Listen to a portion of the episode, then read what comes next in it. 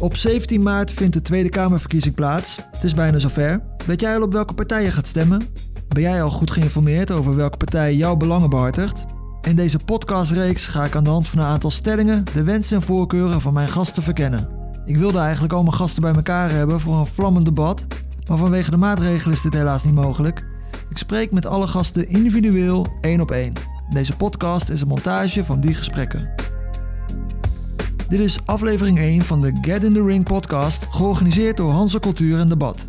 Ik ben Colin Mooijman en ik ga in gesprek met raadslid in Groningen namens de VVD Jasper Boter, met voorzitter van de Groningen Studentenbond Marines Jongman en met student en vicevoorzitter van de Studentenbelangenbehartiger HSV Bjorn de Boer.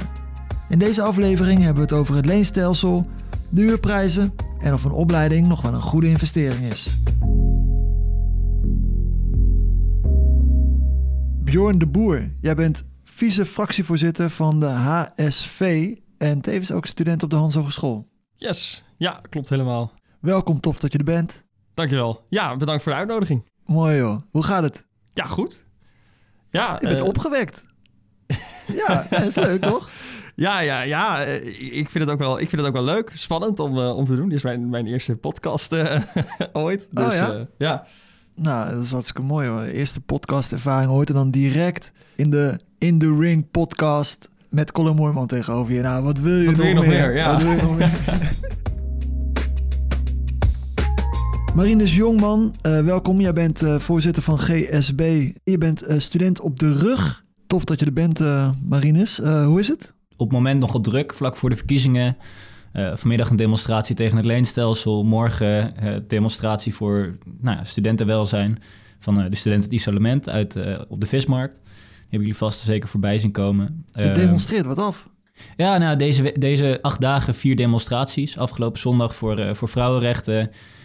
deze twee dus. en zondag weer voor het klimaat. Ja, hoort er een beetje bij vlak voor de verkiezingen.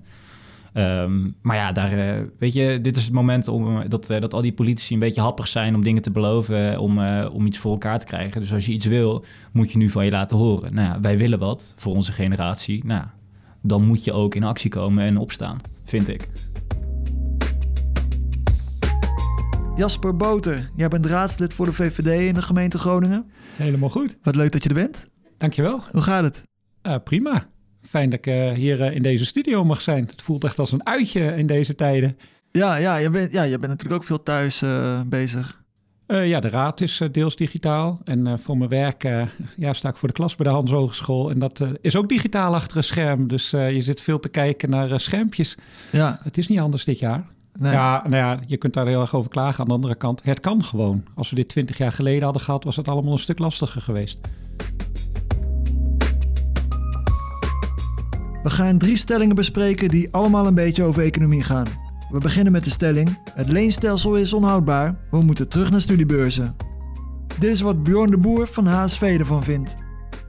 Gedeeltelijk eens, gedeeltelijk oneens. Er zijn vast vormen van het leenstelsel die, die wel kunnen werken. eh, maar bij- waarbij studenten die nou ja, toch uit een, uit een middenmoot gezien komen... eh, toch wel bijvoorbeeld een beurs krijgen. We hebben momenteel natuurlijk ook al het leenstelsel... met een systeem van aanvullende beurzen.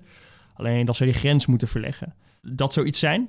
Eh, maar ja, over het algemeen is het leenstelsel niet echt een goed idee.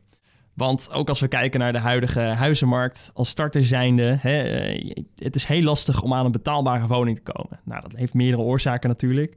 Eh, maar de studerende starter wordt ook nog een keer ja, 1-0 achtergezet op een andere starter even. Doordat ze een studieschuld hebben. En dat neemt een bank ook gewoon mee. Hartstikke logisch ook, want je hebt gewoon eh, ja, dat te betalen. Dus je hebt ook minder inkomen om te besteden aan de aflossing van je hypotheek. Maar ja, dat betekent wel dat het voor jou moeilijker wordt om een woning, eh, woning te kunnen vinden die ook betaalbaar is dan voor jou. Bjorn denkt dus dat er varianten zijn van leenstelsels die misschien wel kunnen werken, maar het huidige stelsel is er in ieder geval niet een van. Hij ziet het vooral als een slechte start van je toekomst na je studie. Marines van de Groningen Studentenbond is stellig. Volgens hem moeten we gewoon terug naar de studiebeurs. Het leenstelsel is, eh, is gewoon echt een mislukt experiment. Dat, dat, eh, dat is duidelijk geworden en daar moeten we nu vanaf. Wat is er dan zo mislukt aan dan? Nou, enerzijds eh, is het gewoon een, een kapot harde bezuiniging geweest. Dat, eh, daar moeten we gewoon eerlijk over zijn. Er is dan, wordt dan telkens gezegd, er wordt geïnvesteerd in het onderwijs. Nou ja, dat uh, hebben, we al, hebben, we gezien. Dat, uh, dat valt echt flink tegen. Um, nou ja, dat uh, komt bij lange na niet in de verste verte van, van hoeveel er bezuinigd is op onze basisbeurs. Nou, dat is één. Ten tweede zie je dat er 10, volgens mij 10 tot 15 procent minder mbo-studenten doorstromen naar het hbo in het, in het hele land. Ja, weet je, ik, maar ik vind dat best wel erg. Weet je, dat, dat blijkbaar geld een rol moet spelen bij de vraag of jij verder kan studeren, omdat geld een rol speelt. Daarnaast zie je dat studenten steeds meer zijn gaan werken. Dus uh, volgens mij is het nu een kwart van de HBO-studenten werkt meer dan 16 uur per week. Ja, dat komt bovenop een voltijdstudie. Dan nog sporten, dan nog een sociaal leven, dan nog iets van uh, nou, een commissie of actief zijn naast je, uh, naast je studietijd of naast je studie zelf. Het past allemaal niet in een week. En een financiële barrière daarvoor, ja, ik vind dat, ik vind dat iets wat we kunnen wegnemen. En wat we dan ook moeten wegnemen. Want nou, ik zie de gevolgen onder mijn generatie. En die gevolgen zijn niet mis volgens Marines. Het leenstelsel heeft impact op de studiekeuze, zelfontwikkeling, het stressniveau en op je toekomst omdat je je lening moet afbetalen. Kortom, Marines vindt het een mislukt experiment, maar Jasper Boter van de VVD geeft aan dat hij en zijn partij er anders over denken. Stel dat je dit zou doen. Dus we, we halen het leenstelsel eraf, we voeren de basisbeurs weer in. A, kost dat heel veel geld. B, er is nu een groep aan studenten die studeert. En wat er dan komt, is dat die ook een compensatie verlangen. Want die hebben eigenlijk een soort tussenliggende periode van vijf, zes jaar gehad... waarin zij dat leenstelsel hadden. En de generatie daarvoor en daarna, die krijgen dan gewoon het geld weer. Dus daar zul je ook wat voor moeten doen. En al dat geld wat je dan gaat betalen... is niet direct een investering in onderwijs. Want dat geld moet ergens vandaan komen. Dus dat haal je dan weer uit het onderwijs. Want dat leenstelsel is voor een deel geïnvesteerd in het onderwijs. Dat is één. Twee, nou, ik heb zelf nog een basisbeurs gehad die iets hoger was uh, in de jaren negentig dan nu. Maar het is relatief gezien een vrij klein bedrag. Dus lost dat alle problemen op? Nou, mogelijk dempt het iets de schuld. Dat zou kunnen. Dus daar, daar, daar helpt het studenten wel mee om makkelijk te studeren. Aan de andere kant zien we helemaal niet dat er minder studenten zijn gekomen tijdens het leenstelsel. Want onderwijs is nog steeds de beste investering in jezelf. En dat betekent dat je dat onderwijs goed moet houden, maar ook voor een hele grote massa. Om maar mijn familiegeschiedenis te halen. Mijn paken mocht in 1939 studeren uh, was een arbeiderskind, zat een keutenboerderijtje in uh, Overijssel, omdat de notabele het betaalde. Mijn Beppe had kunnen studeren als er geen oorlog was gekomen, omdat haar, haar vader het geld had en vond dat je ook als vrouw moest studeren.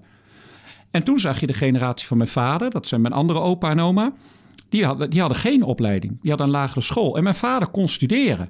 Maar toen werd het wel betaalbaar voor de, massa, eh, voor de massa. Mijn vader heeft daardoor een universitaire graad kunnen halen, terwijl mijn opa schoenmaker was en lagere school had. En dat is gekomen doordat het onderwijs veel beter was. Dus je moet investeren in het onderwijs. Dat mag je ook best zelf doen. En dan zul je zien dat dat oplevert dat je of een betere baan kunt vinden, of een goed betaalde baan, of jezelf kunt ontwikkelen. En dat daar wat de investering tegenover staat, daar zijn wij wel een voorstander van. Dat je andere systemen dan het leenstelsel zou kunnen bedenken, dat zou kunnen. Maar daar moeten alle partijen het landelijk maar eens over gaan hebben. Maar om het nou direct af te schaffen en als doseurtje zo voor de verkiezingen te zeggen: hier heb je wat geld, daar is uiteindelijk niemand mee gebaat. En dan gaan we naar de volgende stelling. De jaarlijkse huurverhoging moet stoppen. Marinus Jongman van de GSB. Er zit een, een groot nuance in deze stelling. Ik bedoel, je hebt aan de ene kant de, de, nou, de huren die al netjes zijn... Uh, waar dan gewoon voor gecorrigeerd wordt voor inflatie. Dus zeg maar, de, dus dat het nou, ieder jaar gewoon ietsjes duurder wordt. Ja, dat, dat hoort er nou eenmaal bij. Dat heb je. Maar je hebt ook de, de, de vrije markt, waar dus een, een huurwoning ineens uh, eh, 1000 euro per maand is. Uh, en je driekwart van in de, in de helft van je inkomen eraan kwijt bent. Ja, weet je, daar vind ik, daar mag je er echt wat aan doen. Maar die, nou, die begrensde huurprijzen, die gewoon uh, netjes geregeld zijn bij de woningbouwcorporatie of bij een nette verhuurder, ja, dat, dat hoeft van mij niet per se gestopt worden. Wel vind ik dat dat niet meer dan inflatie zou mogen, zou mogen zijn. Dus als jouw geld 2% minder waard wordt, dus dat iets 2% duurder wordt, nou, dan mag de huur ook 2% omhoog. Maar je moet niet ieder jaar 3, 4, 5 of wat was het, 6% afgelopen jaar wat we hebben gezien. Ja, dat is veel te hoog. Dat kan niet. Ja, want er is gewoon krapte natuurlijk op de, op de woningmarkt. Uh, maar ook voor studenten, de, de kamers, die zijn ook heel moeilijk te krijgen. Dus het economisch systeem is dan gewoon simpel. Van als er veel vragen zijn, weinig aanbod, dan wordt het gewoon knijters duur. Maar er zijn zat studenten die kunnen het gewoon niet eens meer betalen. En dan heb je het over een kamertje waar een bed staat en, en, en een bureautje hooguit. Ja, in, eh, in Groningen was volgens mij de gemiddelde huurprijs eh 107 euro per maand te, te hoog ten opzichte van wat volgens de wet zou mogen. Nou, dat echt belachelijk. Maar iets wat je vooral ziet bij studio's, eh, want dat is waar studenten tegenwoordig ingepropt worden. Er worden alleen maar kleine studio's bijgebouwd met eh, nou, zoveel mogelijk voorzieningen in één kamertje, zodat de, de pandjesbazen daar huurtoeslag op kunnen vangen. Maar dan kom je op een gegeven moment op een probleem. Want de, de waarde van dat pand zorgt er uiteindelijk voor dat er geen grens meer zit op die huurprijs. Dus bij normale kamers, normale woningen zit er gewoon een maximum op. Ehm, maar op een gegeven moment worden die kamertjes van 26 vierkante meter, die komen in de vrije markt terecht. En dan wordt er ineens voor zo'n klein, ja, excuse my language, eh, kutkamertje, eh, wordt er ineens eh, 1000 euro per maand gevraagd. Ja, eh, ik heb het op Sikkom voorbij zien komen. Gewoon eh, kamertjes waar dan eh, een douche in je slaapkamer staat eh, en, een, eh, en een keukenblokje van een meter ernaast. En dat is het dan. Ja, moeten we daar nou serieus 1000 euro per maand voor gaan betalen? Moet ik daar 40.000 euro studieschuld voor hebben, zodat een pandjesbaas rijk kan worden? Ja, nee, vind ik niet. Met het laatste punt van Marines heeft Bjorn de Boer van studentenbelangenbehartiger HSV ook moeite. Hij vindt dat je het probleem van onbetaalbare woningen meer moet zoeken in het aanbod en niet zozeer in de jaarlijkse huurverhoging. Ja, die hoge huren, dat is een symptoom en dat is niet het, niet het echte probleem. Bijvoorbeeld als je kijkt naar wat, wat gemeente Groningen bijvoorbeeld doet eh, als het gaat om eh, studentenhuisvesting, is ze laten studentenkamers laten ze ombouwen naar studio's. Nou, en op zich worden wel nieuwe studentenkamers bijgebouwd, maar dit is we- weer iets wat er niet bij helpt. In principe haal je weer iets uit het lage, lage segment, hè, studentenkamers, en maak er een studio van wat weer voor het hogere segment is. Dat verergert het probleem wel. Je zei in het begin van het is, eh, die stijging van de huurprijs is een symptoom. Wat bedoel je daarmee? Nou, het is, het is meer dat het gewoon gedaan kan worden. Hè? Heel veel studenten willen natuurlijk eh, willen studeren. En eh, nou, ik heb ook het afgelopen jaar weer opnieuw een kamerjacht moeten doen. Op een gegeven moment dan word je uitgenodigd hè, via Kamernet. Nou, er stond me een rij. in, totaal, ik denk dat ze daar wel t- eh, 150 man of zo over de vloer hebben gehad die dag. Het was echt niet normaal. Eh, en dat allemaal voor, eh, voor één kamer. Het toont wel aan dat er heel veel vraag naar kamers is. Maar gewoon echt te weinig aanbod. Of te weinig goed aanbod ook. Dus ik zou het probleem daar wel wat meer in zoeken. En over een paar jaar hoop ik dat die markt een beetje genormaliseerd is. Daar moet natuurlijk wel, eh, daar moet gewoon moeite voor gedaan worden. En dat zie ik gemeente Groningen bijvoorbeeld echt te weinig doen. En ook de overheid wel. VVD-raadslid Jasper Boten vindt het onrealistisch om iets aan de jaarlijkse huurverhoging te doen. De stelling die wordt wel vaker nu gebezigd, zeker nu in coronatijd. Nou ja, het is aan de andere kant, want huren en koop heeft altijd wel wat met elkaar te maken. Heel veel studenten die straks afstuderen krijgen een baan, krijgen mogelijk zelfs een vast contract of beginnen een bedrijf en hebben daar een redelijk inkomen uit en willen op den duur een huis kopen. De rente is relatief laag, dus je maandelijkse woonlasten zouden wel eens lager kunnen zijn dan als je huurt. Dus daar zit een discrepantie in. Aan de andere kant weten we allemaal dat er een groot schreeuwend tekort is in dit land aan woningen. Of in ieder geval woningen in het goede segment. Dus je kunt wel gaan heel hard gaan roepen dat de huren niet omhoog gaan moeten. Maar als er ergens een tekort is aan die woningen, is dat ook niet heel realistisch om te veronderstellen. Want met die huur, als het naar coöperaties gaat, moeten ze nieuwe woningen betalen of moeten ze verduurzamen. Dus die hebben dat geld ook nodig. Die zullen toch die inflatiecorrectie in ieder geval minimaal moeten hebben. En ja, wij zijn in principe niet tegen eh, particuliere verhuur, als het bijvoorbeeld gaat ook over kamers. Ja, ook daar zal het in de kosten uit eh, moeten kunnen. Maar dan zou je afspraken moeten maken. Wat zou een reële huur zijn en voor, voor een bepaalde kamer? Volgens mij is dat relevanter dan de discussie of je de huurverhoging niet zou moeten willen. Er zit uiteindelijk een markt onder waar we enigszins wel de ruimte aan moeten gaan geven.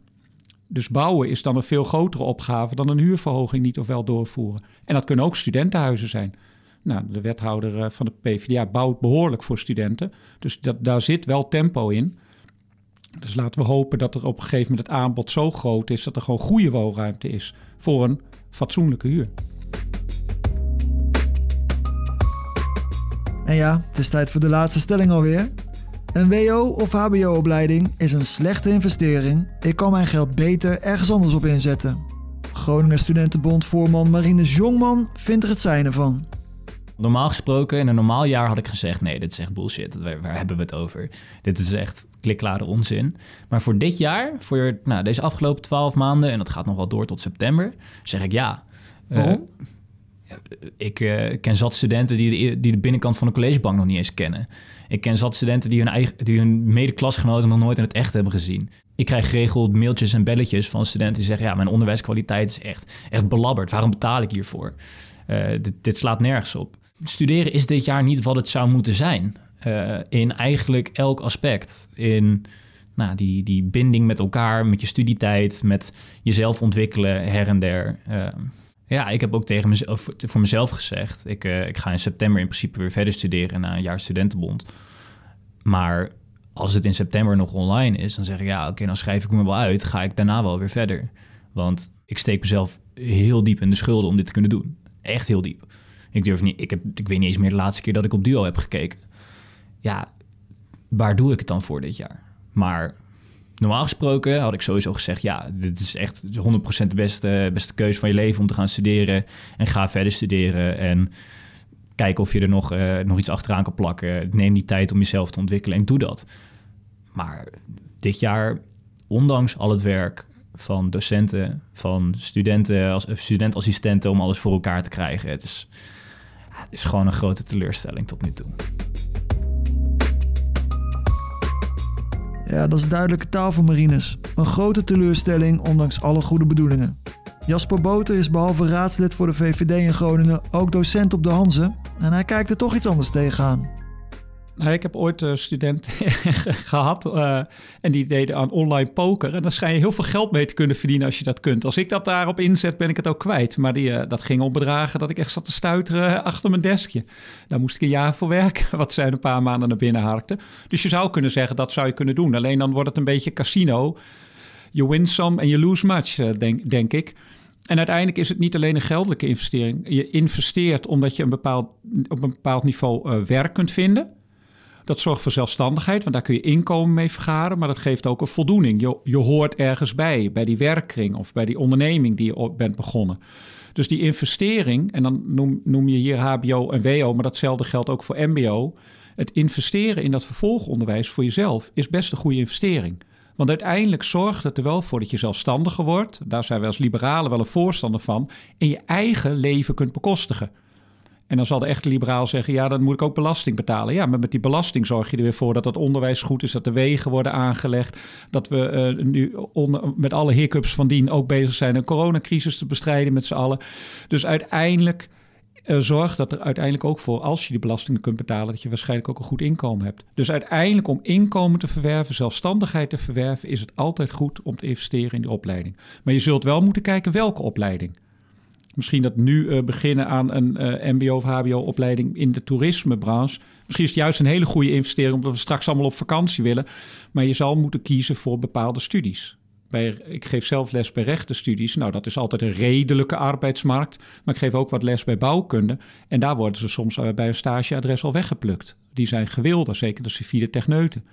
Want ja, er is wat meer vraag naar technische, technische opleiding. Ja, dat is zo. Dus je kunt wel gericht zoeken naar welke opleiding je dan kunt doen. Maar ons advies is altijd uh, studeer door daar waar het kan. Ja, en dan is mijn advies ook: ga iets studeren wat, wat je mooi vindt en wat bij je past. Precies. En, en niet alleen maar kijken naar van waar, waar, zit, ja, waar zit het werk. Want het is ook, als je een opleiding begint, dan is het. En je maakt hem af uh, vier jaar, of in mijn geval nog wel wat langer. Uh, dan ziet de wereld er waarschijnlijk, of misschien ook weer anders uit. En ik uh, wou altijd architect worden en ik heb uiteindelijk rechten gedaan. Dus dat uh, was meer zo wel, ja, ik moet ook een studie gaan doen. En dat werd, dat werd ook een worsteling, maar het werd wel leuk toen ik ermee ging werken. Het zorgde wel altijd voor dat je een bepaald, in ieder geval bewijs hebt van een bepaald denkniveau. Dus je zult in, in een keuze moeten maken in wat is een beetje een nuttige studie, maar wat is ook een studie waar ik lol in heb. Hou ik meer van taal, hou ik meer van de beta dingen, hou ik meer van het artistieke, wat natuurlijk ook kan. Dan ga je gewoon naar Minerva of je gaat een dansopleiding doen, daar is allemaal niks mis mee. Maar doe dat dan wel met, met en de passie en, en weet je, in dat achterhoofd van wat wil ik ermee en wat wil ik bereiken. De een wil een Porsche voor de deur en de ander is tevreden met een uh, tweedehands fiets. Hè? Dus dat gaat ook een beetje om je eigen keuzes. En Bjorn de Boer van HSV, vindt hij een WO of HBO-opleiding een slechte investering? Ja, tenzij je ergens in 2012 stel bitcoins hebt gekocht, zou ik zeggen van niet. Uh. Ja, dat is een hele beste investering. Hè? Ja, oh, ja, ja, man, dat uh, man, man. goed rendement. Maar... Oh, ik heb ook liggen slapen toen hoor. Ja, ja, ja, we wisten het niet, we wisten het niet. Nee, maar ja, wat is, is, is het een slechte investering, Bjorn? Nee, ik, ik, zou, ik zou zeggen van niet. Ehm, wil je een beetje toekomst hebben op de arbeidsmarkt van de toekomst, dan eh, moet jij wel over vaardigheden beschikken. Hè, want het is steeds meer, ehm, het is een steeds mondialere markt. Hè, en vanuit alle plekken vanuit Europa komt er ook aanbod hè, van arbeid. En eh, jij moet jezelf daar toch een beetje in kunnen onderscheiden. En ja, het is daarom toch belangrijk dat iedereen uh, een, ja, een HBO of een WO-papiertje haalt. Maar is het papiertje dan nog wel zo belangrijk? Ik bedoel, je kan toch ook gewoon je, je skills, je, je, je kwaliteiten ontwikkelen? Ja, um, dat kan. Zeker. Maar ja, ik zie dat niet heel veel. Tenminste, in, in de omgeving om mij heen zie ik dat niet heel veel mensen lukken hè, op zichzelf. Het is altijd wel fijn als je um, ja, gewoon een, een HBO-opleiding kan volgen bij de Hansen. En gewoon daarin in de hand, aan de hand wordt genomen. En om er vier jaar lang uh, gewoon heel veel kennis in te rammen. Natuurlijk, de praktijk heeft, biedt ook heel veel uh, ervaring. Maar um, ja, wel maar een deel. Hè? Het, is, het is maar een, een klein deel van het specialisme wat je dan overgedragen krijgt. Ook bij een sta stagebedrijf. En een opleiding is veel breder dan dat. Ja, precies. Dus jij zegt, goede investering, doe die opleiding. Goede investering, doe die opleiding. Ja. Een soort reclamespotje is dat. Hey Marinus, we staan nu vlak voor de verkiezingen. Eh, het is voor iedereen, maar ook voor studenten natuurlijk de tijd om je stem te geven en uh, te zeggen waar je voor staat. Uh, hoe belangrijk is het voor een student en, en voor deze hele generatie om, om, daadwerkelijk je stem uit te brengen en, en, en je er ook echt in te verdiepen en, en, en niet alleen maar blind te stemmen natuurlijk? Ja, er is niks belangrijkers denk ik. De komende vier jaar wordt denk ik essentieel voor hoe het leven van een student er uh, de komende 20, 30, 40 jaar uit gaat zien. Hoe überhaupt onze generatie erbij gaat lopen over uh, als we 50 zijn. Dus ik denk hartstikke essentieel. Uh, kijk ook vooral naar, naar nou, alle standpunten, verdiep je erin. Kijk ook buiten je eigen bubbel. Dus nou, ik zelf sta dan wat meer aan de linkerkant van, van het geheel. Maar ik heb ook gekeken naar, wat vinden nou, het CDA en de VVD en D66 nou nou allemaal. Omdat je daar dan nog echt nog wel eens positief verrast kan zijn. Dat is echt essentieel. En uh, nou, alle jongeren bij elkaar die mogen stemmen, dat is ook gewoon zes zetels hè, in de hele Tweede Kamer. Dat, uh, dat is best wel een groot deel. Wij, wij kunnen ervoor kiezen om te stemmen in ons, in ons belang. En daar kunnen we echt een verschil mee maken als we gaan stemmen. Um, en dan zeg ik ook, maakt niet uit waar je op stemt, maar stem jong. Want het is belangrijk dat uh, nou, de gemiddelde leeftijd in de Kamer niet, uh, niet 50 plus is. Met, uh, en gevuld met allemaal, allemaal mensen die eigenlijk geen zak verstand hebben van waar onze generatie nou mee zit. Lees je in, stem jong.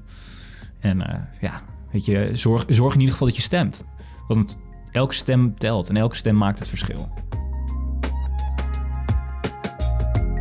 Dit was aflevering 1 van de Get in the Ring podcast, aangeboden door Hanse Cultuur en Debat, geproduceerd door Studio Snoekduik. Check meer podcasts over de verkiezingen op dit kanaal. In de volgende aflevering hebben we het over de cultuursector en over jouw toekomst. Ik ben Colin Mooijman, bedankt voor het luisteren en tot de volgende keer.